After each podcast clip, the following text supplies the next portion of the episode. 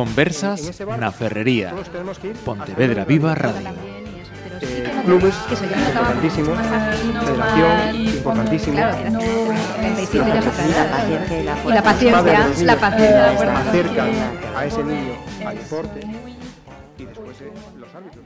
Para mí Galicia era, era un lugar desconocido, no, no, no había estado mucho tiempo aquí y me ha sorprendido mucho. Ahora lo puedo decir que cuando me dijeron que iba a estar aquí ocho meses en Galicia, al principio pensé, bueno, que se me haría duro, pero, pero ahora me siento como si, como si fuera, hay algo mío que ya, hay algo mío, hay algo mío que suena un poco loco, hay algo mío que es gallego ya, o sea, me siento, hay una parte de mí que está aquí y que, y que se quedará aquí. Saludos, atentos a esa voz. Yo no voy a decir nada, son unas conversas especiales hoy y encantada de tener a la persona que, que está aquí hoy en el estudio de Pontevedra Viva. Tengo que decir así un poco a modo de retranca, bienvenido a tu casa, Alex Espiño. Muchas gracias, Marisa Ciordia. ¿Por qué nos hemos traído eh, a las conversas a Alex? ¿Y por qué y quién es eh, esa voz que acabamos de escuchar? Bueno, yo creo que casi todos los que nos pueden estar escuchando en estos momentos seguramente lo, han reconocido. Es el actor Alex González. Eh, conocido sobre todo recientemente porque fue uno de los protagonistas del Príncipe, una serie que emitió Telecinco hasta hace poco, y, y que ahora está aquí, está aquí en Galicia. Está aquí en Galicia con motivo de la grabación de una serie que emitirá, eh, tuve corrigiéndome, ¿no? Uh -huh. En 2018, Telecinco, que se llama Vivir sin permiso. Correcto. Llevan aquí desde junio todos los actores de, de la serie, incluido Alex González, eh, rodando esta, esta serie que como nos eh, matizaron mucho durante, durante este día de rodaje que vivimos con ellos, no es una serie sobre narcotráfico. ¿Por qué esta diferenciación? Porque bueno, cuando se anunció esta serie también se anunció al mismo tiempo el rodaje de Fariña en Antena 3, uh -huh. una serie que hace una retrospectiva de todo lo que fue el mundo de la droga en Galicia en los años 80, con todos los grandes eh, narcotraficantes. Y, eh, y, se empezaron a establecer comparaciones con esa serie. ¿Por qué? Porque el personaje principal, al que da vida José Coronado, es un, eh, un empresario de éxito en Galicia que en sus años jóvenes hizo dinero con el mundo de la droga. Entonces ahí empezaron a, a, ver esas comparaciones, pero ellos nos insisten, no es una serie sobre narcotráfico, es una serie post-narcotráfico uh -huh. y que en todo caso lo tendrán como una gran saga familiar pues eh, nos ponían el ejemplo con tintes de, pues desde El Padrino al Rey Lear de Shakespeare o una serie que a lo mejor tenemos mucho más en mente que es Falcon Crest. Ajá.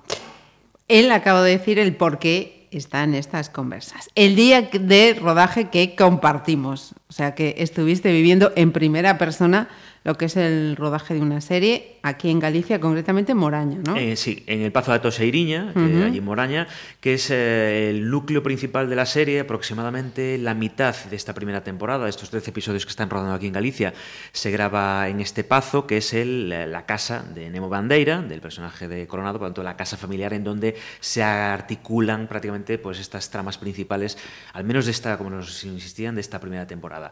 Un Pazo que lo han mantenido prácticamente igual por fuera, pero lo han cambiado todo por dentro. Es decir, uh -huh. por dentro, no sé, quien, los, quien lo conozca de los que nos estén escuchando saben que allí se celebran eh, bodas, eh, banquetes, reuniones, congresos y demás. Bueno, pues lo que han hecho un poco es convertirlo en una casa, una vivienda familiar. ¿no? Entonces, uh -huh. bueno, las estancias del Pazo pues, pues las han convertido en el despacho del personaje de José Coronado, en las eh, viviendas, en las, en las, habitaciones, perdón, de cada uno de los personajes. Entonces, bueno, es un poco diferente pero sí que lo vamos a reconocer perfectamente en pantalla. ¿no? Uh -huh. Vivir sin permiso, eh, visto la información que, que tú habías publicado en, en, Pontevedra Viva, está basada en un relato de Manuel Rivas. Sí, en el relato, en el libro Todo Silencio, de, de Manuel Rivas, que precisamente también trataba tangencialmente el tema de narcotráfico, era una historia eh, pues de, también de personajes y de conflictos eh, entre, entre familias y demás. Pero sí que es verdad que Manolo Rivas, eh, digamos, eh, presentó este, o, o, digamos, a partir del proyecto de Manolo Rivas han desarrollado la serie. Es decir, Manolo Rivas en este caso no es guionista de la serie, sino que, digamos, se ha eh, envuelto en la idea principal de ese, de ese, de ese relato, se ha construido el, el personaje. ¿no? Uh -huh. Y sobre todo querían contar con él por, por porque conoce mucho la, la, la vida eh, gallega, estas, estos vínculos que también hay con, con el narcotráfico en muchas comarcas gallegas y transformar todo lo que es la comarca de en la ficticia comarca de Oeste, que es donde está ambientada la serie. Y te puedo preguntar por Aitor Gabilondo. Cuéntanos. Sí, me puedes preguntar por Aitor Gabilondo, que es el creador de la serie, también fue el creador de, del Príncipe y, y, un poco pues también eh, eh, José Coronado y Alex González fueron los protagonistas del Príncipe, entonces es un poco... Eh, no, no, es la continuación, porque es una serie completamente diferente, pero sí que el hecho de haber trabajado los tres juntos, pues les dicen que les ha ayudado mucho a, configurar esta, esta serie. ¿no? Si te parece, lo van a explicar mucho mejor que yo los actores de qué va la serie, de qué va cada uno de sus personajes, pero en líneas generales, pues podemos decir que Vivir, Vivir sin permiso es la historia de Nemo Bandeira, de José Coronado, que es un empresario que se enriqueció en el, se enriqueció en el pasado con, con, esas actividades relacionadas con el narcotráfico y contrabando y que eh, recién cumplidos los 60 años le diagnostican Alzheimer. Eh, esto es importante porque ellos también destacan que es la primera serie que se hace en España que lleva esta terrible enfermedad a, a, las tramas protagonistas. Es decir, hasta ahora habíamos visto personajes pues, mm, secundarios, pues, que a lo mejor pues, tenían un tipo de demencia o Alzheimer o demás, pero en este caso es el personaje principal el que sufre el Alzheimer.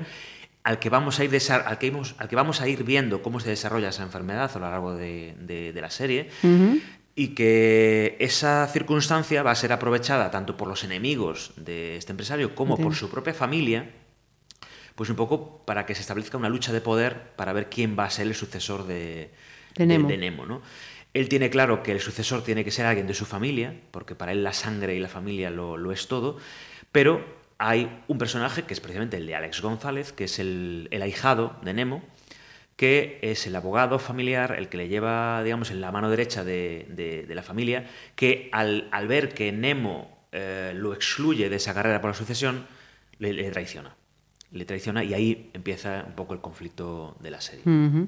Pues escuchamos entonces a... Vamos a empezar a escuchar a José Coronado, porque, bueno, aparte de que es el, protagonista, explica muy bien cuál es el, origen de la serie, de dónde parte la serie y cómo ha sido este rodaje en Galicia. Pues venga. A sus 60 ya, ¿no? no, no. Es la primera vez, además, que me dejo así barba. Había, había huido un poco, digo, que me sale blanca desde los 30 y digo, no, no, no saco la barba blanca que ya me caen todos los abuelos. Pero bueno, ya va siendo hora también de empezar a, a torear donde, donde la edad te corresponda. ¿Y dentro de poco hacer de abuelo? Pues no, la verdad es que no. No, no, no, todavía voy de padre bien. Creo que tengo, tengo mucha suerte que la naturaleza, la genética, quien sea, me ha me, ha dado 60 años estupendos, creo, para lo que mirando alrededor veo y creo que todavía puedo acometer personajes que no sean abuelos, vamos, que Bueno, hablamos un poco de, Nemo. Nemo, pues eh, Nemo es un regalito que me, que me, han hecho maravilloso, un regalito difícil y complejo porque, porque es un personaje con muchísimos colores y muchos matices, es un hombre eh, tremendamente poderoso, con un pasado poco oscuro, pero que ha, conseguido eh, asentar su vida, blanquear todos sus negocios y convertirse en un hombre de bien. Eh, que nada más empezar la serie le diagnostican que tiene Alzheimer y, entonces pues evidentemente todos los que le rodean empiezan a elucubrar qué es lo que va a pasar en el futuro y empiezan a actuar en consecuencia y por lo tanto este hombre empieza a tener serios problemas. Y, bueno, es un personaje que, que tiene claroscuros, que, que ha hecho cosas turbias, pero que hay algo que le redime por encima de todo, que yo creo que es el amor a la familia y sobre todo el amor a Oeste y todo lo que hace que, por, por, por la comarca, que es mucho, al margen de sus negocios turbios. ¿no? Pero vamos, que no, no, no, es una serie que, que, hable del narcotráfico en absoluto, es una serie post-narco en la que es un hombre que sus orígenes comenzaron por ahí, pero que no va, no va de eso, ¿no? va, va, de, va de familia, va de, de relaciones familiares, de, de, pasiones humanas que son muchos, como es la ambición, como es el poder, como es la venganza, como es la amistad, como es el amor. Es alguien que quiere redimirse.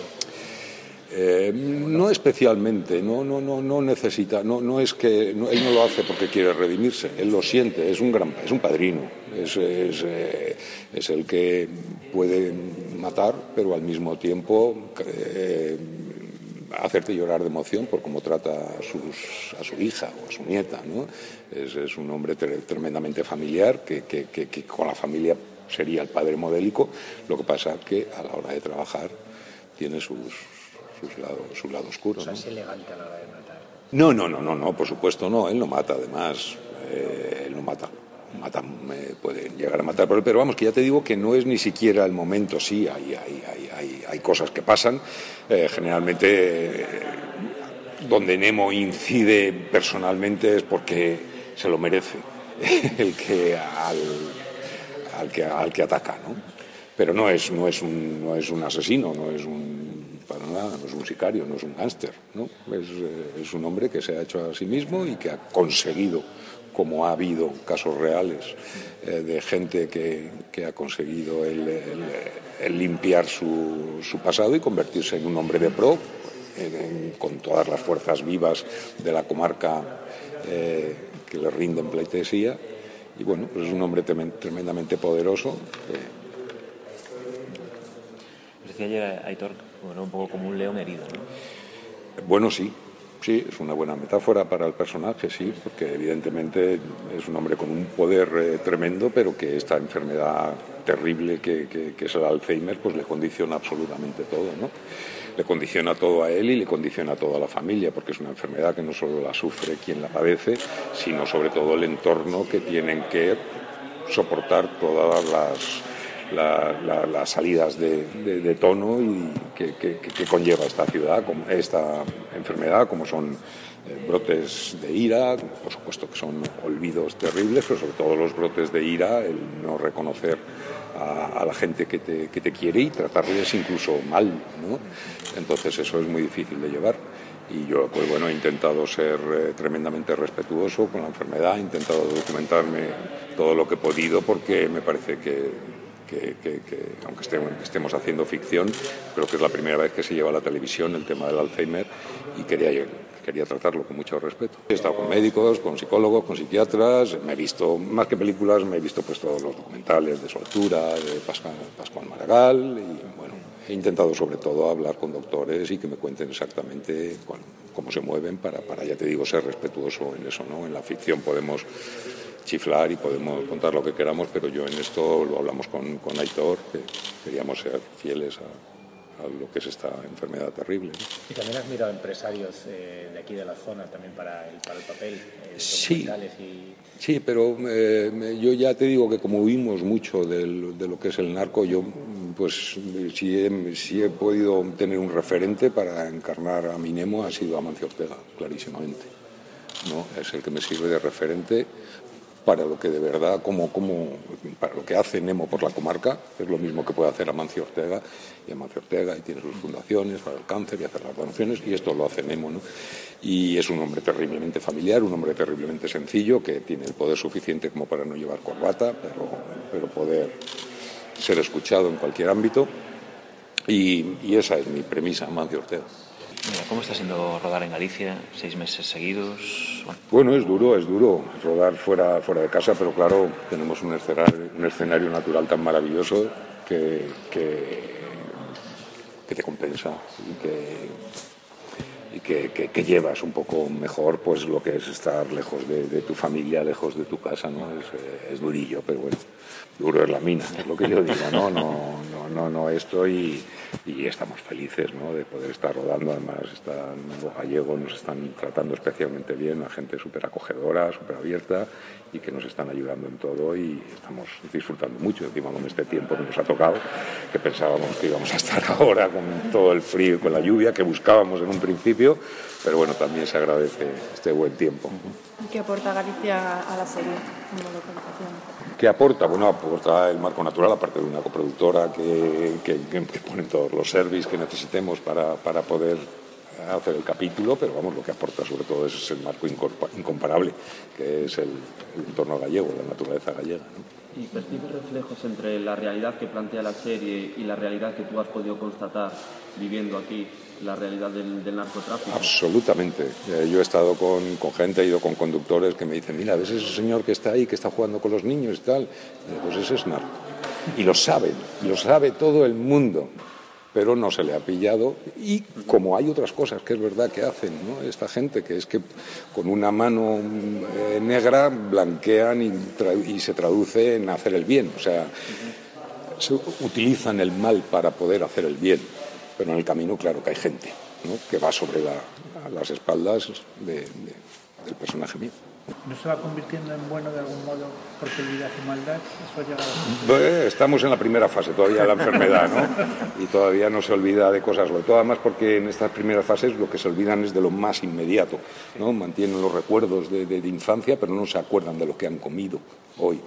Y, entonces eh, todavía no le ha dado tiempo a, convertirse en bueno o, o sentirse el bueno. Tampoco eh, tampoco se lo, se, lo, se lo, plantea mucho él. Yo, no creo que, yo creo que Nemo hace lo que hace y lo da por, por, bien hecho por el bien de la comarca y por el bien de la familia. Y creo que es un punto de vista un poco maquiavélico, pero el fin justifica los medios y si alguien tiene que caer en un camino, mientras que la comarca crezca y la familia sea feliz, que caiga salud, perfecto. De salud estoy hecho un toro. Además, hace poco estuve en la revisión que me dijeron que lo tengo todo a punto, el colesterol, todo fantástico. Y la verdad es que desde que me pasó, yo es, intento en la vida siempre, pues eso, el, ser positivo y, me he tomado esto que me ha pasado como una, como una suerte, como un aviso que me han dicho, hey, tío, tienes 60 años y que tienes que cuidarte, ¿no? cambiar, entonces, entiendo. Sí, sí, sí, sí. Eh, pero no tanto en, los hábitos como, como, en el, el, enfrentamiento a la vida ¿no? y, a, las situaciones. Eh, relativizo mucho más todo lo que antes me, sobrepasaba, ahora me río un poco de ello y luego simplemente pues intento de verdad disfrutar cada segundo con mucha más conciencia que, antes, que era como que no pensaba en ello, ahora pienso en que qué bien que hoy me está dando el sol y, lo agradezco más. A mí es que me encanta la voz de este hombre, entre otras cosas, no solo la voz, también hay que decirlo. Mira, y aparte eh, te digo que es una persona encantadora en, en las distancias cortas. a veces es verdad que, que, actores que tienen ya cierto estatus pues parece como que caminan por encima de pétalos de rosa, ¿no? Sí, en este caso no, es una persona muy cercana, que nos trató muy bien durante todo el día de rodaje y la verdad que ha sido, ha sido un placer charlar con él. Ajá. José Coronado, y vamos a ir también eh, hablando de, otros de los eh, actores, del elenco de, actores que componen esta serie. Eh, avánzanos. Sí, vamos a ir hablando con, sobre todo con la familia de, de Nemo Bandeira, de José Coronado en la serie, porque son, digamos, ese núcleo principal de, al menos esta primera temporada, va a ir bastante gira en torno a ellos. Y vamos a empezar hablando por una actriz que, bueno, desconocida para el gran público, porque tan solo ha aparecido en, series, eh, en pequeños personajes eh, muy, simbólicos.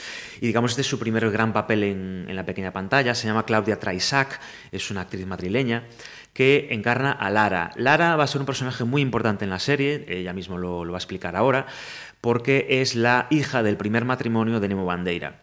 Y como nos, explicaban en el rodaje, Lara y su madre eh, es una, son unos mm, personajes muy importantes en la vida de Nemo Bandeira, a pesar de que llevan mucho tiempo apartadas de la familia, porque la madre de Lara es el verdadero amor, o nos lo, nos lo pintan como el verdadero amor de Nemo Bandeira. Lara, que lleva mucho tiempo fuera de, de Oeste, de la comarca en la que se ambienta la serie, regresa porque su madre está enferma y pues eh, vuelve a reencontrarse con una familia que desde el primer momento la dio de lado. Entonces vamos a escuchar eh, a Claudia Traisac, que nos explica un poco también cómo es su personaje, cómo se ha encontrado y cómo ha sido trabajar con un monstruo de la escena que es José Coronado, con el que comparte muchísimas escenas. Mi personaje es Lara, que es la, hija de Nemo Bandeira, que es José Coronado. Em, lo que pasa que es la hija em, fruto de su primera relación amorosa su primera novia, que es Ada, la cual abandona cuando está embarazada de mí eh, por John. Entonces digamos que soy un poco la hija ilegítima de Nemo, eh, que no formo parte para nada de su mundo, es más, le odio muchísimo. Eh, soy pobre, mi madre se ha dedicado siempre a trabajar en conserveras de atún para levantar la familia, he vivido sola con ella y sobre todo eso, es la hija no reconocida como tenemos, estoy completamente fuera de, toda la cosa de su vida personal y, Hola, perdón. Hola. Y, y, eso, sobre todo lo más destacable es que es un personaje que está lleno de rabia, de mm, furia, rebeldía y que es lo opuesto a todo lo que representa Nemo en esta historia. Hay un, hay un conflicto desde el, primer, desde el inicio de la serie que tiene que ver con mi madre. Eh, justamente me han dicho que no lo diga, yo creo que lo debería decir, pero bueno, da igual. Eh, entonces tiene que ver más con, una situación que tiene mi madre y, y, eso obliga a que yo tenga que enfrentarme a Nemo, que tenga que volver a verle, que tenga que reclamar una serie de cosas y luchar por, hacerme valer, pero no tiene nada que ver con que ella quiera nada de su padre.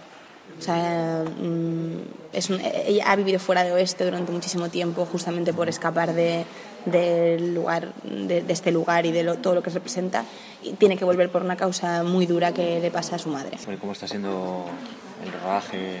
¿Estás encontrando bien? Pues muy bien, la verdad, está siendo un rodaje súper especial. Ya solo por grabar en Galicia hace que sea diferente porque nos hemos tenido que mudar todos aquí, estamos viviendo todos los actores en una misma playa, ¿sabes? Como que hay algo de, que no ocurre en las series normales porque al final en las series normales estás en tu plato, te vas a casa y, aquí tenemos como que conocernos todos, hace que estés, no sé, como viviendo la serie de una forma mucho más extrema e intensa. Porque eso, no desconectas, sino que estás, es como que para mí oeste es Villa García de Arousa, que es donde vivimos todos. Eh, Lara me ha cambiado y yo he cambiado a Lara porque al final es como que no me voy a Madrid y desconecto, sino que estoy aquí todo el rato. Y, y, eso está siendo como con mucho el reto de grabar en Galicia también exteriores todo el rato con, con, el clima de Galicia que hace que tengamos es como un poco una serie bastante yo lo veo un poco eh, sin sonar mal como el ejército en el sentido de que estamos como todos muy a una y es una serie muy extrema por eso por trabajar en, en exteriores. Lo que pasa que claro hace que el rodaje sea una experiencia muy mágica y muy intensa pero también esa convivencia hace que eso se te traslade después a la pantalla, ¿no? Claro, sí, sí, sí, sí. O sea, en el primer capítulo ya se ve que hay, que hay química, yo creo, entre los actores y que... Pero claro, ahora hay una cosa como de... Pues bueno, de que a lo mejor tienes que contar la relación de dos personajes en cuatro escenas, en, pero ya tenemos una relación de, de cenar todos en el mismo sitio todo el día, de desayunar, de ver pelis juntos. Entonces, Sí, para mí esa es una experiencia increíble, la verdad. Y esa experiencia actoral que más estoy disfrutando también por, creo que por eso, justamente, porque al desconectar tanto te, te, involucras mucho más en la experiencia y, puedes como olvidar el juicio, como que estás muy, muy, muy metido en, el personaje, en la historia, en, el mundo de Oeste, que al final es el mundo de Villa García de Arousa para nosotros. O sea, eh, lleváis, o sea, entiendo que lleváis varios meses. Claro, llevamos desde, desde junio. Entonces. ¿Y viviendo eh, aquí desde junio. A ver, o sea, nos hemos ido, obviamente. Yo, por ejemplo, hoy vengo de Madrid, pero sí que en junio estábamos en un hotel que se llama El Pazo Real, que era como una especie de castillo, y entonces sin wifi, sin nada. Y yo, que fui la que más tiempo estuve, yo y Julia al principio, claro, estábamos en ese pazo y de repente pues eh, estaba el actor que hace Express tres días, entonces tres días que no nos conocíamos de nada y que de repente éramos mejores amigos, nos comíamos, cenábamos, ayudábamos, ensayábamos, íbamos a la playa, eh, de repente se iba y, venían Alex y Ricardo, entonces nos hacíamos los mejores amigos. Y entonces claro, eh, em, no sé, luego ya hemos cogido pisos, pero sí que el primer mes que estuvimos en El Pazo fue era una experiencia, pues bueno, pues al final como a hacer una peli, ¿no? Que eso pasa más cuando tienes una peli que siempre suelen ser en exteriores y en una serie es, al final está esa cosa más de, bueno, pues plató y luego a casa. Aquí no, aquí es como, como un campamento de verano, la verdad. Y, y, o sea, que está siendo muy, muy, muy intenso el rodaje. ¿Qué dirías que tiene Vivir sin permiso que va a ser diferente a otras series? ¿Qué lo va a hacer diferente? Eh, a ver, la verdad que al estar tan viviendo tan intensamente es verdad que me siento tan como atada al proyecto, ¿sabes? como tan cerca del proyecto que no tengo mucha idea de nada de lo que estamos haciendo. Pero sí que he visto el primer capítulo y el primer capítulo me parece que tiene una, no sé, una calidad, como una apuesta de, por la calidad, ¿sabes? Por, por, por una serie cuidada, por, creo que es arriesgada. Estas cosas siempre dan mucho miedo, ¿no? Porque siempre suena lo mismo, ver los titulares como de esta serie arriesgada, lo primero que se hace en España, sí. Pero, pero sí que es verdad que, por ejemplo, las series, cuando se ve el primer capítulo, creo que los primeros 20 minutos de arranque son increíbles, ¿no? creo que el tema, por ejemplo, de los exteriores es una cosa que no se suele hacer mucho en España, ¿no? que a veces se ve mucho el, el cartón piedra del, del, estudio y del de plató y aquí tener todo el rato a Alicia de fondo es un privilegio. Creo que, no sé, el, que tiene ingredientes creo que es una serie personal. O sea, dentro de que es una serie para Telecinco y que, y que busca llegar al mayor público posible, creo que la gente que, for, que forma parte, tanto el reparto como el equipo técnico y, y el, el, de producción, creo que todos tienen una visión personal.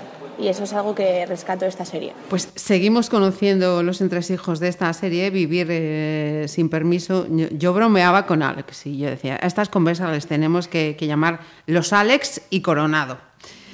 Vamos con otro Alex, entonces, y no es González, ni Espiño. No, vamos con otro Alex, que es Alex Moner.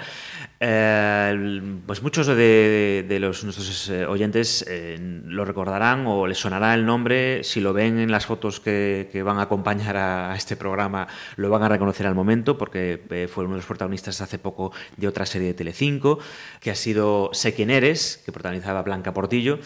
Es también el hijo de José Coronado. Es un hijo muy especial, va a ser un personaje que va a dar mucho que hablar. Él mismo reconoce que es un personaje que no va a gustar a todo el mundo porque es un personaje muy polémico. Es, eh, es el hijo, insisto, repito, de José Coronado, es homosexual y es drogadicto. Él dice que su padre acepta que sea homosexual, pero no acepta que sea drogadicto. Uh -huh. Entonces, eh, bueno, pues es un personaje muy histriónico, él mismo reconoce que ha tenido una libertad total para hacer lo que, le ha, como lo que ha querido, se ha vuelto loco haciendo ese personaje, porque el personaje también se lo pedía. Eh, dice que le recuerda mucho al personaje de, de, de Johnny Depp en Piratas del Caribe, uh -huh. este Jack Sparrow, porque es así uh -huh. muy, eso, muy histriónico, muy, muy característico. Y, y, en, y en, en, la entrevista que, que, hicimos con él, que tuvimos con él, también habla de esa relación que tiene su personaje pues con, eh, con su novio en la serie, que es Ricardo Gómez, Carlitos, el de Cuéntame, uh -huh. ya, ya, crecido, ya no es el Carlitos sí, de, eh, de, de, de la las serie. primeras temporadas. Y, y, atentos porque la verdad es, eh, habla mucho de, de, cómo ha sido este rodaje de seis meses en Galicia, en donde han tenido que vivir juntos, casi han dicho, decía que es casi como un gran hermano, porque uh -huh. han tenido que vivir seis meses juntos en Vila García y eso le ha ayudado mucho a, a, a, este, a este, personaje que, que, insisto, él mismo lo dice, mm, va a crear mucha polémica. Es quizá la primera vez que, que, que he intentado componer un personaje y alejarme un poco de la, de la, energía con la que normalmente trabajo y bueno, intentar ser lo máximo posible otra persona. ¿Te has dejado mucha libertad a la hora de crear el personaje? Sí, bastante. Sí, sí. ¿Cómo has, ¿Cómo has hecho para crearlo? ¿Te has fijado en algún papel que hayas visto en alguna serie? Mm, no, pero, pero conforme lo he ido haciendo, de repente me he dado cuenta de que había algún personaje que había visto que, que quizás sí que me, me, me, me servía para, para, componerlo. Por ejemplo, Jack Sparrow, eh, eh, un poco esa cosa como distendida sí, y. Sí. Se, podría, podría ser un referente. Sí, porque, o sea, es gay y drogadicto Sí, sí, es como que se le juntan todas las circunstancias. Mm, a mí se me juntaron todas las circunstancias como para tirarme a la piscina y realmente intentar, ya que era la oveja negra de la familia, era como, pues mira, voy a hacer algo completamente pasado de vueltas.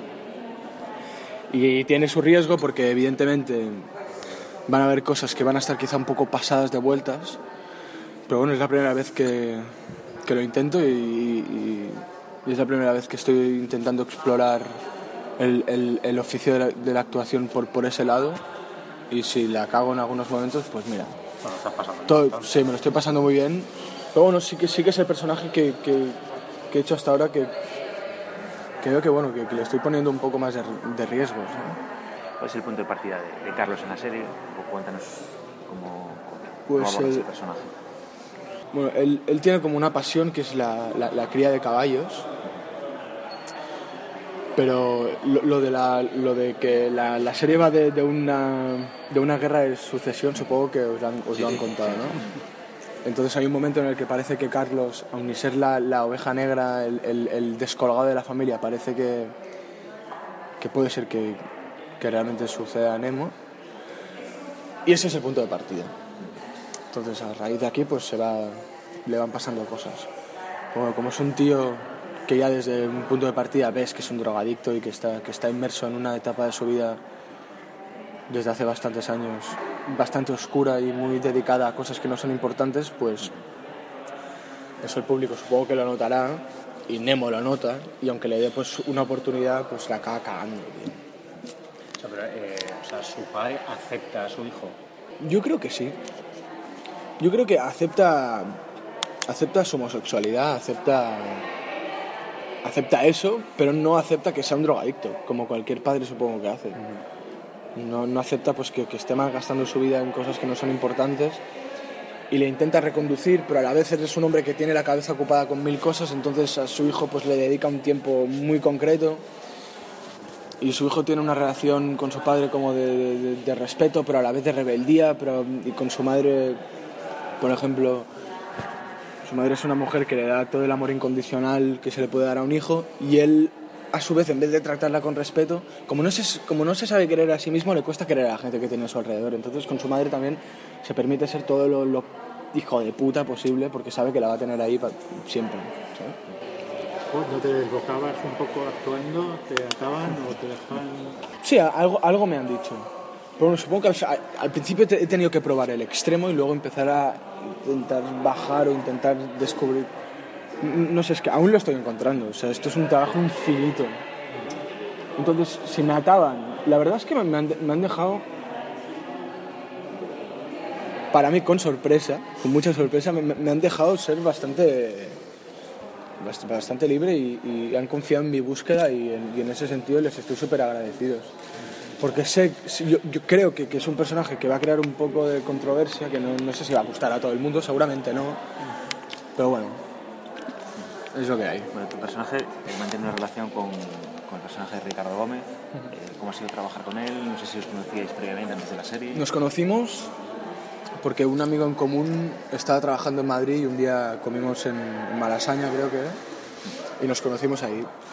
No, trabajando no, no nos conocíamos y yo la verdad es que estoy súper feliz, tío, de haber trabajado con, con un tío como Ricardo. Aparte, bueno, nos hemos hecho colegas y la intimidad a la que hemos podido llegar como pareja en la serie, pues yo creo que pasa por, por, por habernos hecho colegas en la vida real y por haber bueno, que. Sí, estar tranquilos entre nosotros ha sido básico, tío. O sea, ya que estás haciendo el esfuerzo, pues si tienes un tío con el que no, te tienes que, no tienes que pensar en ningún momento si le tienes que dar un beso, si le puedes dar un beso no le puedes dar un beso, si me puedo acercar o no me puedo acercar, todas estas barreras se han roto y realmente pues nos hemos dado la libertad de, de- de- de- de- de poder trabajar tranquilos uno con el otro y de hecho creo que seguramente si me hubiera tocado trabajar con otra persona no, no hubiera podido estar tan libre buscando al homosexual que llevo dentro. ¿eh? ¿Es una relación tóxica la, la que tiene con, con el personaje de Ricardo o es algo más...? Es que yo creo que todas las relaciones que tiene Carlos son tóxicas, tío. Porque él es, un- él es una persona tóxica. Entonces... Alejandro es un tío de puta madre, que, pero de que de hecho una de las cosas que creo que le molan de Carlos es esa parte como macarra que tiene y, y bueno, toda esa vida oscura que lleva, supongo que a Alejandro también le debe poner cachondo. Si no, no, no, sé por qué coño está con él, porque le hace de todo, tío. O sea, le hace de todo, le lleva por donde quiere. Pero bueno, es, es esa relación de dependencia de, de, bueno, el vacío que tiene uno lo, lo complementa el otro con, con, con su esencia. Entonces, esa cosa modosita y calcula y, y de, de buena vida que tiene Alejandro, pues a Carlos le va de puta madre y esa cosa más descontrolada, supongo que también Alejandro le hace aprende- aprender cosas. Pero sí que es una relación tóxica, sí, sí que lo es. Hay partes que no, pero la gran mayoría yo creo que sí. Bueno, es que pasan una de cosas entre ellos que yo digo, por favor, si una pareja después de, de que pase todo esto sigue juntas, porque bueno, se quieren mucho. Sí, sí. El rodaje en Galicia, ¿cómo está siendo? ¿Está siendo diferente? Pues mira, con sol por la mañana, con lluvia a mediodía, con nieve a la noche. No, no, bien, bien, muy bien. Estoy descubriendo Galicia y me encanta. Decías que para tu personaje fue clave esa amistad que, que fuera de pantalla creaste con, con Ricardo. No sé si eso también ayuda el hecho de estar rodando fuera de casa tanto tiempo, conviviendo. Sí, sí, sí que ayuda, tío. Es claro, claro que ayuda. Bueno, porque bueno, de hecho vivimos juntos. O sea, sí, es, lo- es lo que os decía antes, nos hemos hecho colegas. O sea, sí, sí que ayuda estar viviendo fuera. Seguramente si estuviéramos rodando en Madrid o en Barcelona, a la que acabare, cuando acabamos el rodaje, pues cada uno se va a hacer sus cosas. Pero aquí, como estamos haciendo una especie de gran hermano, pues al final te haces colega, tío. Y sí, seguramente si hubiéramos estado rodando en otro sitio que no fuera Vila García, pues, pues cada uno haría más sus, sus movidas, pero, pero aquí no. Pues vamos saltando. Chica, chico, toca chica. Ahora. Toca chica, que es la otra hija de Nemo Bandeira y de su actual mujer. Eh, es la hija mayor, eh, es eh, la típica niña bien, eh, un poco que tiene dinero, la familia tiene dinero, ya se marcha a París, estudia, vuelve, pero siempre con ese con ese estatus eh, de, de, de, que le da pues el, el, dinero que tiene que tiene su familia, ¿no? Uh -huh. Es un personaje que que tiene es complicado, según nos eh, explica la actriz que lo, que lo encarna, Julia Charm, que es una, una actriz eh, de origen ucraniano, pero, uh -huh. pero escucharemos que habla perfectamente español, mucho mejor casi que tú y que yo juntos. O sea, que, que ha sido, que, que es, una, es, verdad que ha sido alucinante. Uh -huh. y, y, Nina, su personaje, pues eh, resiste las presiones familiares que la quieren convertir en la, en la heredera de, de, del negocio familiar. ¿no? Ella es un espíritu libre y sobre todo pues tiene ese conflicto familiar también que, que, sí, que le gusta mucho el dinero de su familia, pero no quiere eh, esa responsabilidad que tiene hacerse cargo del de negocio de la familia. La escuchamos. Uh -huh. La experiencia está siendo increíble, aprendiendo a todas horas. Eh, aquí en Galicia maravilloso porque tenemos un escenario magnífico y nos hemos metido de lleno en, en el proyecto porque bueno, nos tenemos solo los unos a los otros y y bueno, o sea, como no tienes distracciones de ningún otro tipo, pues estás aquí 100% metido en, en Oeste y, y, con tus compañeros. Pues háblanos de, tu personaje, Nina, ¿cómo es? Bueno, Nina es una chica muy apasionada en todos los sentidos. Ella eh, bueno, ha estudiado gran parte de su juventud en el extranjero, lo que es Bellas Artes. Vuelve de París y decide montar una, una galería de arte porque ella quiere bueno, eh, dar a entender a su familia y a todos los que la rodean que ella puede valerse por sí misma y, y quiere vivir de, de, su pasión y de lo que a ella le gusta, que es el arte. Entonces ella abre una galería artística y no va a contar mucho con, con el apoyo de sus padres, pero ahí está el conflicto. No es rebelde, pero sí tiene su carácter, es una bandeira. O sea que vas a tener escenas con tu padre, con José Coronado y con Pilar Castro, eh, bastante potentes, ¿no? Muy bonitas, muy potentes y es un placer compartir con, con ellos el, el, escenario tan perfecto como, como la serie. ¿Cómo os tratan los que son más veteranos a los que son más jóvenes? Pues eh, son los más generosos que te, que te puedes imaginar, o sea, y, y y te aconsejan, te, bueno, te, te ayudan mucho y, y, y, es un placer trabajar con ellos porque nos llevan dos días en, en esta profesión, como quien dice, ¿no? Y, y te, bueno, intentas empaparte de, de, de, de, todo, o sea, de todo, desde, desde una mirada hasta por dónde tienen que pasar, hasta el proceso, todo, o sea, es, es maravilloso. ¿Te lo ponen? Pues al principio, mi primera secuencia que yo rodaba en esta, en esta serie era con José Coronado. Y, y claro, o sea, ibas en el avión pensando, madre mía, la primera secuencia la tengo con José, qué difícil tiene que ser, pero de verdad fue la que más he disfrutado, creo, hasta el momento de, de hoy. O sea, porque, porque vas con la idea de, de que, bueno, tienes que dar la talla, tienes que tienes que hacerlo bien y, y no quieres fallar ni nada y, y, al final te encuentras con la persona más humilde, más profesional, más maravillosa del mundo y, y es increíble. O sea, es que Nina es un personaje con mucho carácter, pero bueno, los que nos han pasado, decía que no sé si se deja engañar eh, por, el, por, el, personaje, por Mario, por el personaje de Alex González en sus, en sus tretas. Sí. Entonces no sé cómo se conjuga eso. ¿no? Bueno, eh, no puedo decir gran cosa sobre, no puedo desvelar, hay que esperar a, que llegue la serie y que lo veáis, pero, pero bueno, las, apariencias a veces engañan, solo puedo decir eso. bueno, no sé, se irá desarrollando poco a poco, pero bueno, se, te, se, topará con Mario, que ya lo conoce desde, desde que son niños, y, y hay algo, algo mutuo y especial en un principio, luego no sé. Bueno, ¿y cómo está siendo rodar en Galicia tanto tiempo?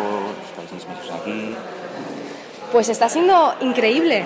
O sea, nos han acogido con los brazos abiertos. Compartir estos escenarios es que esta belleza natural. Yo voy a rodar a, todas las mañanas a la serie en el coche de producción y estoy alucinando con la boca abierta todo el rato diciendo, pues que qué bonito los paisajes, las carreteras, las montañas, el verde, el tal, el no sé qué, las playas, los atardeceres son mágicos. En este pazo el atardecer es lo más bonito que os vais a imaginar. Y, está siendo, vamos, o sea, maravilloso.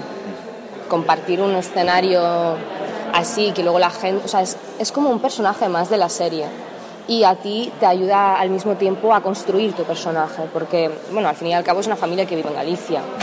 Y, y estar viviendo en Galicia de verdad, empiezas a ver cosas que hay, mm, la gente, el carácter, el cómo es la vida aquí. Y, y empiezas a comprender más la, la serie, el, no sé, es increíble, maravilloso. ¿Localización favorita de las que vi, ¿Localización favorita? Es el Pazo. En cuanto lo vi por primera vez, me, me quedé fascinada.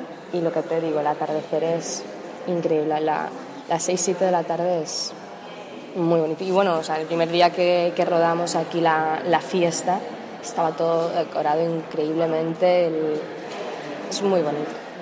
Yo ya voy enganchadísima, Alex. Eh, otro personaje de esta serie que sí vamos a reconocer es el de Pilar Castro. ¿Quién es y qué, qué hace en esta, en esta serie Vivir sin permiso? Pues Pilar Castro es una actriz conocidísima de este país. Es verdad que hasta ahora siempre ha estado muy centrada en las comedias. Uh -huh, eh, en, la serie, en, la televisión ha hecho series como Cuestión de Sexo. En el cine la recordamos por los musicales de El otro lado de la cama y la segunda parte de esta, de esta película.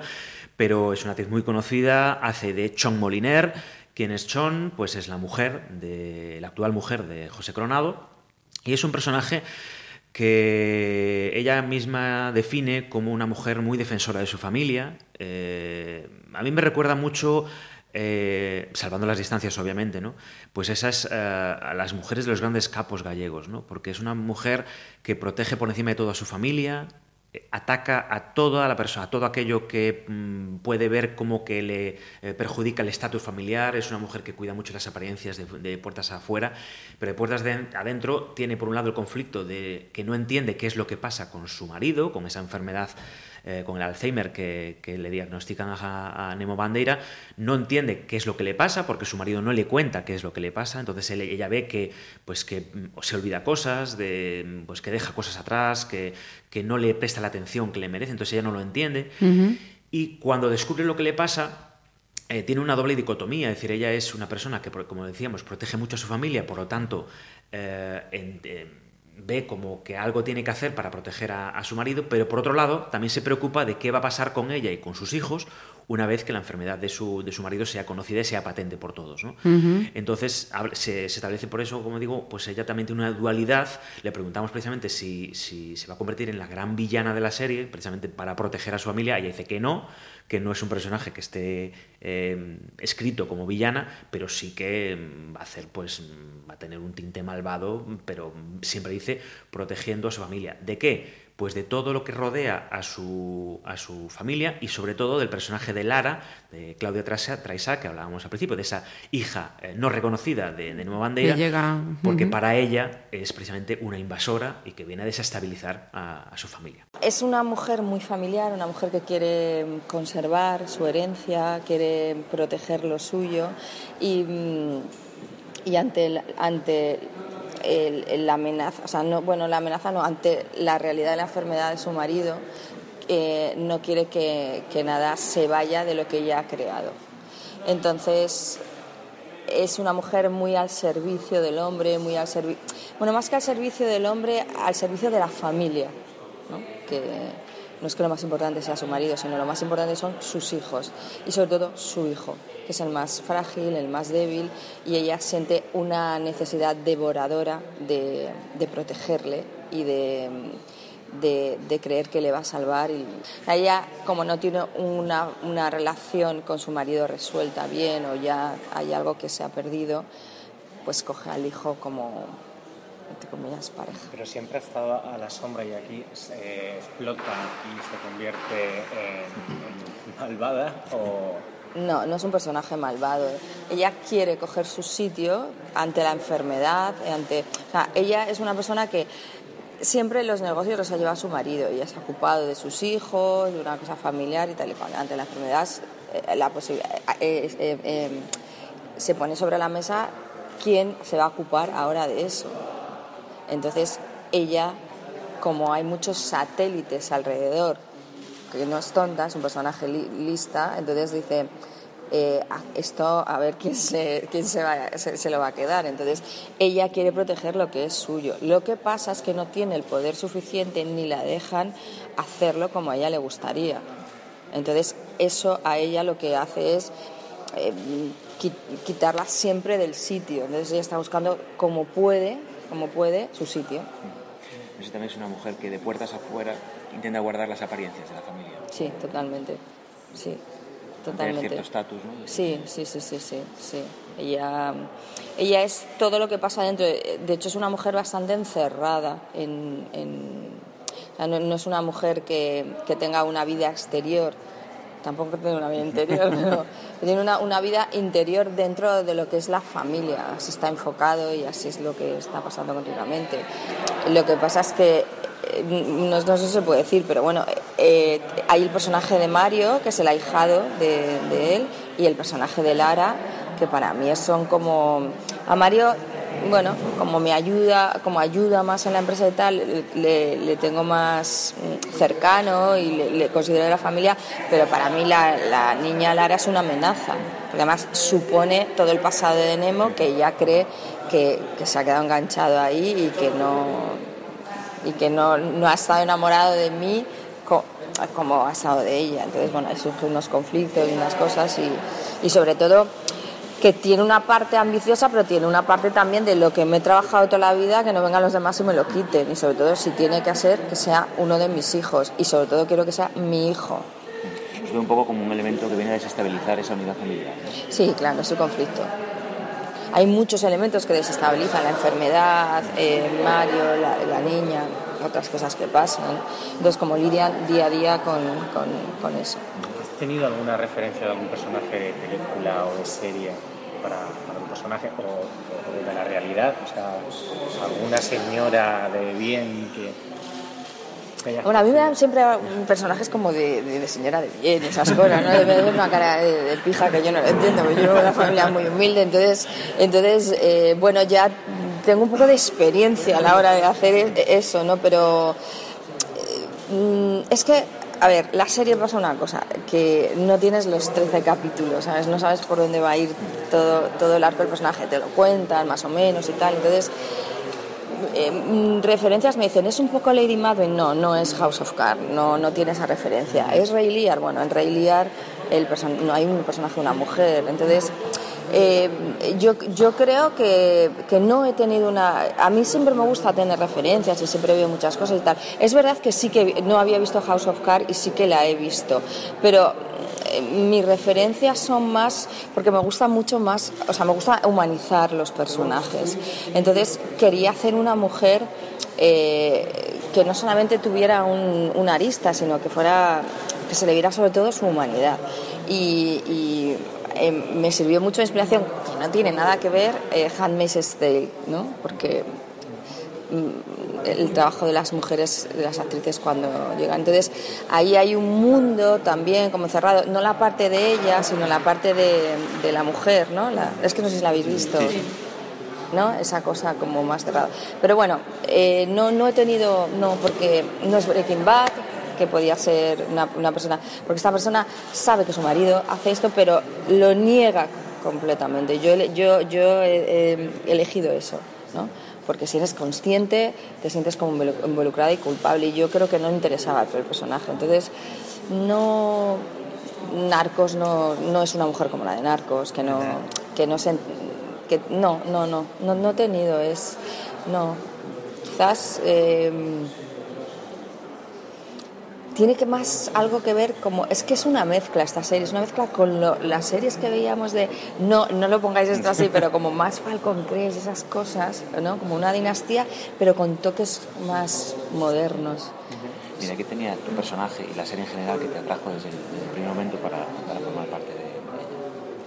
¿Qué es lo que tenía Sí, lo que te atrajo la serie de cuando te dieron los guiones. Lo primero que me cogieran. Bueno, ¿Sabes? Porque eso es muy difícil, ¿sabes? Hay que pasar muchos filtros, hay que ahora mismo es muy difícil que te den un, un papel y, ma- y yo también siempre hago comedia, de repente es como el primer drama que hago, entonces me apetecía mucho enfrentarme a un personaje más con peso, dramático y, y- y- y bueno, pues, pues es lo que más me, me- me atraía, ¿no? También que se ruede aquí es, es diferente, ¿no? Es, que sea todo en exteriores, te- tenía y bueno y el elenco me apetecía mucho. La verdad es que con José me, me entiendo muy bien trabajando me gusta es muy muy buen profesional. Y, no sé hay algo que, que me ha gustado y me sorprende cada día trabajar con él sé si ahora que estáis aquí rodando dando tiempo, ¿os imagináis ya la serie grabada en otro lado o es imprescindible este...? es imprescindible Es impre- M- me, la, me la imagino todos los días en Madrid cuando me tengo que coger el vuelo a ver a mi hijo. Pero no, no, yo creo que es imprescindible esto, sí. A- aparte ayuda, ¿eh? te ayuda mucho a meter en la serie. Cuando estás en, bueno, vosotros la habéis visto, estás ahí, dices, yo soy la dueña de esto y tal y cual. No sé, te- la cabeza se te va a otro lado. También es la, la primera serie que al menos en España trata o coloca el Alzheimer en, en protagonismo. Sí. Que también es un poco un reto, ¿no? A- abordar esta enfermedad. Sí, es un reto sobre todo porque eh, tú no sa- o sea, yo no, yo no sé los, eh, los síntomas realmente de un Alzheimer. Entonces, este personaje los va viendo y no lo entiende. No lo entiende porque al principio no... Es que esto no sé si lo puedo decir. Pues, pues bueno, ella no entiende una serie de cosas que le pasan a su marido y entonces tiene que lidiar con eso. Entonces es una enfermedad dura y entonces eh, es difícil a veces de comprender. Entonces ponerte en el lugar de cuidar a una persona así es complicado, es complicado. Mm, Intentas ayudarlo, pero es bueno. De esto ta- también hablo de las experiencias de, padres que, o sea, de amigos que tienen hijos, eh, padres con Alzheimer. Es muy complicado, y, pero yo creo que es interesante porque se muestra mm, muy real y, vivir con eso ya te da un conflicto y una trama para trabajar muy buena. Y creo que es muy bueno que se vea ¿no? esto. Y ahora sí, ahora llega eh, la parte de, Alex eh, González, eh, que eh, digamos es la, segunda estrella, ¿no? Alex González, que bueno, aparte aquí en Pontevedra lo, habrán visto muy a menudo porque en la ciudad, en Blanco Porto, eh, se rueda parte de la serie, es decir, ahí es el, precisamente es el despacho en el que trabaja el personaje de Alex González, que es Mario Mendoza, que como decíamos al principio de, de esta, de este programa, es el ahijado de, de Nemo Bandeira, es el encargado, es el abogado, es el encargado de todo, de todo, digamos, de la tramitación de todos los negocios turbios de, Nemo. Nemo. Y cuando pues, a Nemo le diagnostican Alzheimer y, y empieza a pensar en quién va a poder ser su sucesor, obviamente él piensa que va a ser él, pero Nemo le deja claro que no, que él no va a ser porque él, él no es de su sangre, él no es hijo de él. Entonces, por encima de él están sus hijos. Eso para, para, para Mario es una traición en toda regla, porque se ha, se ha manchado mucho las manos eh, defendiendo el negocio de, de su, de su padrino. Y entonces, pues a partir de ahí, pues sí que eh, mantiene una, bueno, pues un conflicto muy grande, un enfrentamiento con, con la familia. Él, él utilizará precisamente también a sus hijos, los hijos de, de Nemo, en su beneficio personal, eh, sobre todo a Lara, que es la que, la que llega y la que, y la, la que conoce de- de- del pasado. Y bueno, pues un poco va, va desarrollando así las tramas. ¿no? Eh, me ha sorprendido mucho de, de Alex eh, lo mucho que está disfrutando la serie, porque él mismo dice que es la primera vez que hace de malo. Hasta ahora siempre era el, pues el galán de la serie, Sí. ¿no? Es decir, el que, el que se lleva de calle el amor de la protagonista, y en este caso no, en este caso él es el villano. Habrá amor, no dice con quién, no avanza eh, las tramas, pero sí, pero sí que es el, es el malo de la serie. ¿no? Entonces él dice que, él, bueno, que para él está siendo muy enriquecedor porque le está permitiendo una libertad eh, pues que con otras series pues, pues no tenía. ¿no? Y además, lo escuchábamos al principio del programa, está enamorado de Galicia. Eh, es verdad que mm, nos decía Aitor Gabilondo, el creador de la serie, que cuando, cuando empezaron a. Cuando, bueno, cuando, cuando hablaron con él para, para que hiciera este personaje, eh, tenían un poco de miedo de cómo se iba a adaptar a Galicia, mm, simplemente porque, claro, venía de vivir casi un año en Estados Unidos, en Los Ángeles. Entonces, claro, tenía que pasar de vivir un año en Los Ángeles a seis años en Villa García de Arousa, claro. Entonces, eh, pero bueno, él dice que se ha, adaptado perfectamente, que lo está disfrutando un montón, que le encanta la gente, la gente en Galicia. Aparte ha aprovechado también aquí en Galicia para, para grabar otra, otras intervenciones en programas de televisión, como el de Jesús Calleja en 4, donde hemos visto a la Illa de Arousa por los aires y es maravilloso. Y entonces, bueno, él está encantado y, se traslada y se traduce en esta, esta, esta, entrevista que hemos tenido con él, que, que la verdad que, que ha sido un placer. Pues venga, ya, vamos a escucharlo. Entiendo que la comparación es inevitable porque Aitor Gabilondo es el creador y porque estamos José y yo, pero la verdad es que yo creo que no tiene nada que ver un proyecto con, con el otro. El, la, la, historia principal en El Príncipe, si no me equivoco, era por una parte la historia de amor, por otra parte la trama de, del yihadismo, eh, y yo creo que en esta el peso recae más en cada personaje no tanto en una trama principal, sino dentro de que la trama principal es la enfermedad del protagonista, de José Coronado, y cómo a partir de esa noticia se desencadenan todas las demás tramas. Pero yo creo que esta es una serie más de personajes. Quizá va a sonar un poco, un poco raro, pero eh, a lo mejor un poco más madura. Yo creo que el príncipe tenía algo muy bonito, pero que era algo como más de fábula. Eh, y yo creo que el vivir sin permiso está en un tono un poco más realista creo. A lo mejor me Aitor Gabilondo y me mata, pero esa es mi opinión. Mira, ¿cómo es tu personaje, Mario Mendoza? Pues eh, Mario Mendoza es un tipo, bueno, yendo a, lo, a, lo, base, o sea, a la base lo que está escrito, Mario Mendoza es, eh, en lo personal es el ahijado, el, hijo adoptado de Nemo Bandeira, eh, el personaje de José, y es el abogado de la familia, el representante, un poco lo que sería el personaje de Tom Hagen en El Padrino, algo así. Eh, lo que pasa es que a raíz de la noticia de, la enfermedad de, José, o sea, de, Nemo, tiene que delegar en alguien.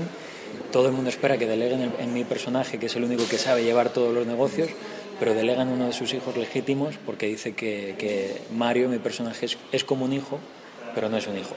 Eh, entonces, a partir de ahí se empieza a ver un poco el lado más oscuro de mi personaje y mi propio personaje empieza a descubrir que conoce el de la traición, de, de la ambición y, bueno, y del amor. Porque también a diferencia del príncipe, la historia de amor era entre Fátima y Morey. Y aquí, aunque también hay historias de amor entre hombre y mujer, pero la verdadera historia de amor es el amor de un padre con un hijo. Y cómo el hijo, al más puro estilo eh, eh, Hamlet, demanda el amor del padre. El padre no está. Un amor que el personaje busca y no encuentra. Y que no encuentra. No, y siempre, siempre se está como jugando un poco con esa historia de amor en la que, para mí es como una relación en la que, en la que, en la que ella le deja a él, el otro dice que, ah, vale, que pueden ser amigos, pero siempre hay una cosa de, oye, no somos padre e hijo porque tú no quieres, no porque yo no quiera. O sea, vamos a ser amigos si quieres, pero yo quiero ser tu hijo y él no quiere ser. A lo mejor estoy muy en personaje, ¿eh? le tenéis que preguntar a José. es muy vengativo entonces.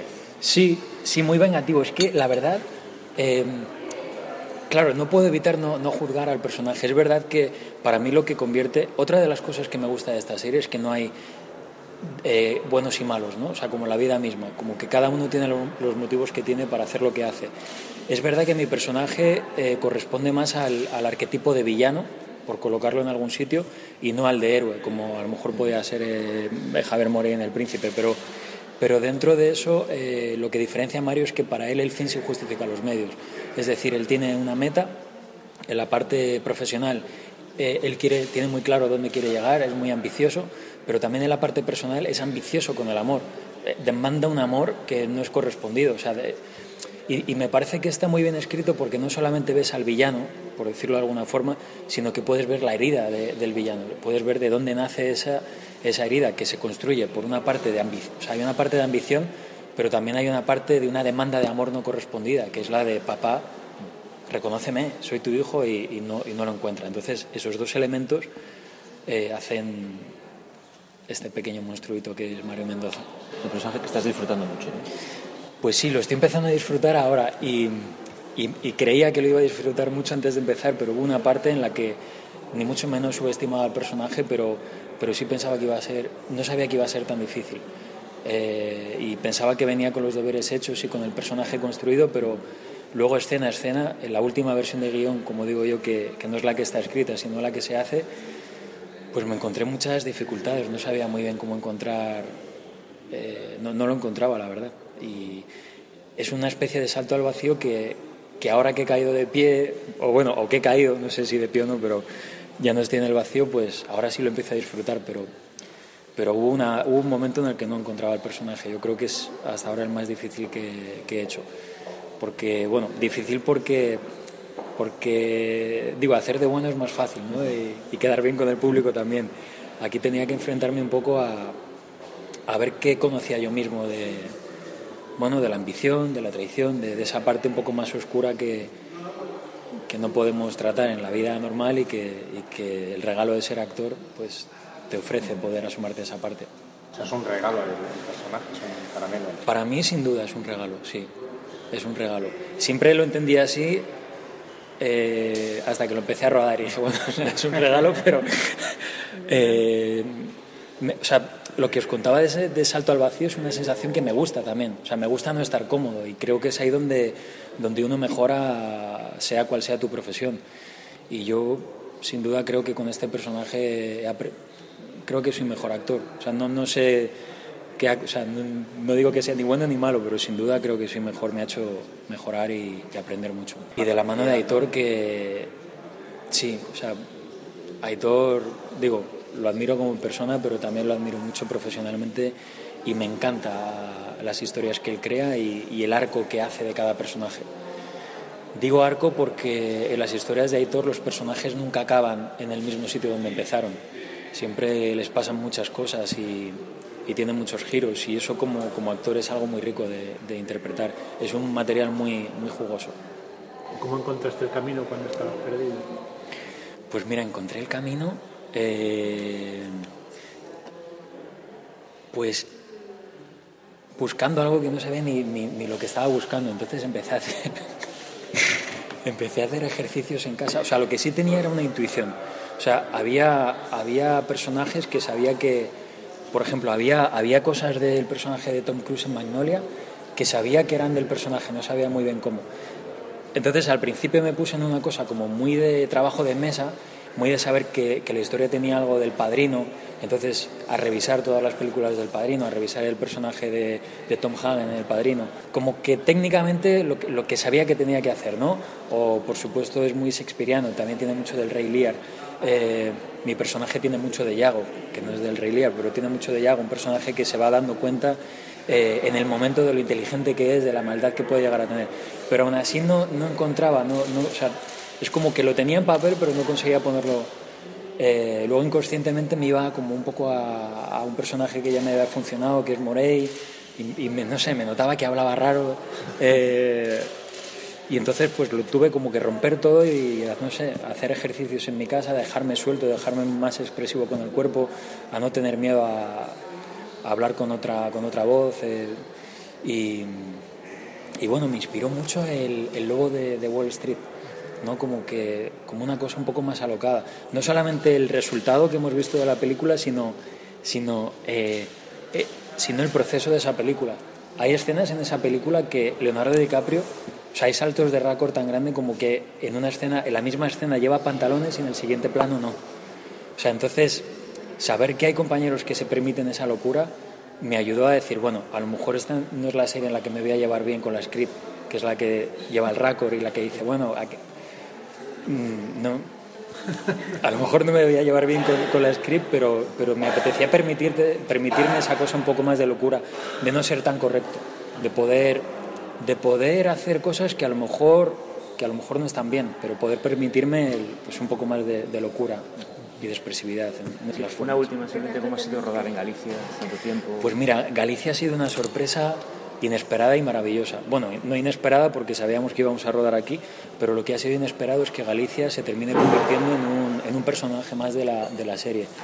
Eh, no solamente por los escenarios que tiene y por todo lo que nos ofrece, sino por la luz también. Creo que la serie necesitaba de esa luz tan especial que tiene Galicia.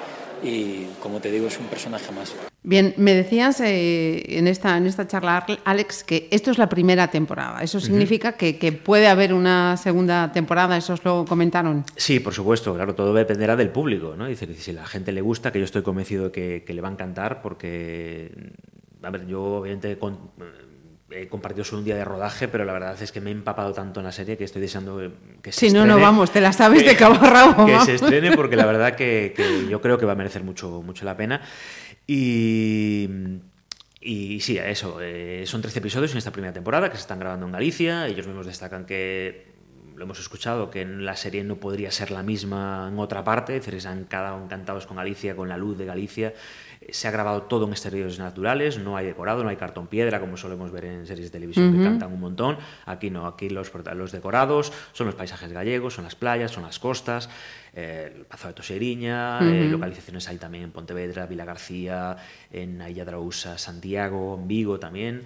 O sea que vamos a ver, por ejemplo, pues cómo eh, el ayuntamiento de Ayarausa se ha convertido en una, una comisaría. Es decir, vamos a, va a ser muy reconocible para todos y la verdad que, que lo, vamos, lo vamos a disfrutar. Uh -huh. y... Fecha, no, no se sabe. ¿no? Estas cosas ya dependen de, de, las cadenas, de cómo vayan sus parrillas y a demás. Ver, ellos, eh, Aitor, Gabilondo, el creador de la serie, lo que nos decía es que ellos van a estar... Ellos terminan el rodaje en diciembre. Eh, ahora mismo están rodando el episodio 9 de los 13 que, que son, que son esta primera esta temporada. Primera temporada. Y que ellos eh, terminan en Navidades y que ellos estarán listos para cuando la cadena decida emitirlos. Que ellos calculan que podría llegar en primavera de 2018, abril, mayo aproximadamente, pero claro, eso va a depender de, de la cadena y las necesidades de, de, producción que tengan. Ellos también dicen que a partir de que la cadena les diga, oye, que sí, que seguimos, que nos ha gustado, que a la gente le ha gustado y tal, que inmediatamente regresan a Galicia, porque lo tienen, lo tienen clarísimo que, que la segunda temporada va a ser en Galicia, la segunda, la tercera y la cuarta, porque si hay, porque, porque vamos, porque vamos Encantados de la vida. Sí. Eh, a mí me falta un personaje, Alex. Sorpréndeme. O, o asústame, no sé qué. Atentísimos a vivir sin permiso, porque Alex Espiño, cuéntalo, vas a estar en la serie, ¿cómo fue eso? Bueno, a ver, va a ser un, nada, es una tontería. Porque Pero que aquí en esta redacción nos ha hecho mucha ilusión y llevamos ya un tiempo vacilándole. Bueno, pues a ver, el día que nos invitaron al rodaje, eh, al llegar nos dijeron, oye, mira, vamos a rodar una, una serie, una, perdón, una, una, escena que no puedo desvelar bajo pena de muerte, eh, en el que eh, el personaje de, de, Nemo Bandeira, José Coronado, hace una declaración ante periodistas ¿no? en su casa. Obviamente no voy a decir por qué, yo ya lo sé, pero vamos a tener que esperar porque será hacia la parte final ya de la, de la temporada. Entonces, bueno, pues a los periodistas que nos invitaron al rodaje nos dijeron, oye, ¿os apetece hacer vosotros de periodistas y de, de, de preguntarle a Nemo Bandeira sobre, sobre este asunto? Y nosotros como somos así de... de Guiadiños. De, de, desvergonzados y de, y de, y tal, pues, eh, pues dije, pues, pues, pues, claro, ¿no? Entonces, pues, pues grabamos una pequeña escena que, bueno, que a ver, que nos van a ver a los periodistas de Pontevedra un segundo o dos. O sea, no creo que nos vayan a ver más. Sí, ¿no? ya, pero ahora mismo la pero... televisión te da la opción de grabar, avance, atrás. Exactamente. Y ahí, Entonces, ahí bueno, vamos pues a estar. La verdad que, que, ha sido una experiencia muy divertida. Eh, te das cuenta que, de, que, para grabar una escena de un minuto mmm, estás allí mmm, dos horas, porque es eh, espectacular el trabajo que, que hay detrás. Nos hemos sentido súper bien arropados porque nos han tratado súper bien, no solo ya en las entrevistas que, que las, habéis escuchado, sino también esta, en esta mini experiencia que, que alguno yo no, en mi caso, pero alguno decía que le había despertado el gusanillo de, de la actuación. Entonces ya, ya veremos si, si, hay alguna otra sorpresa, ¿no? Pero, pero sí, la verdad que, que, ha, sido, ha sido un placer, ha sido muy divertido. Y ya esto es un chascarrillo ya dentro de, de la serie, pero insisto, yo creo que, que, a la serie a la gente le va a gustar y, y, y va a merecer mucho la pena. Uh -huh. Pues a mí me han encantado estas conversas. ¿Qué queréis que os diga? Que hay que a ti te hubiese gustado más, que estuviesen aquí contigo Alex González y José Coronado, porque también me lo has dicho. Pero claro, el problema es que la agenda que. Ya tiene... voy, quedo yo de villana en estas conversas. Pero sí, nos decían que lo hemos intentado que estuviesen aquí con nosotros, pero el problema es que ya tienen una agenda de rodaje muy complicada. Aparte, eh, es verdad que durante los meses de verano han estado intensamente en Galicia, ahora ya vienen de forma mucho más esporádica a grabar las escenas se las agrupan, digamos, de los episodios que quedan, se las agrupan para que ya no tengan que estar aquí, pues, eh, todo el rato, porque bueno, uh -huh. cada uno ya, sobre todo José Coronado y Alex González andan ya con otros proyectos profesionales que tienen que compaginar. Entonces, sí, bueno, de hecho pues- estos días Coronado está con, la, con el estreno de, de Oro, ¿no? Con... Por eso entonces, bueno, también están con promociones, con rodajes, entonces, bueno, un poco pues tienen esa, esa manga ancha ya para venir a Galicia solo cuando se les requiere. ¿no? Pues seguro que si hubieran estado ellos estaría mucho más cortada y esto no sería tan natural y tan divertido como han sido estas conversas. Un millón, Alex. Muchas gracias. Conversas na Ferrería. Pontevedra Viva Radio.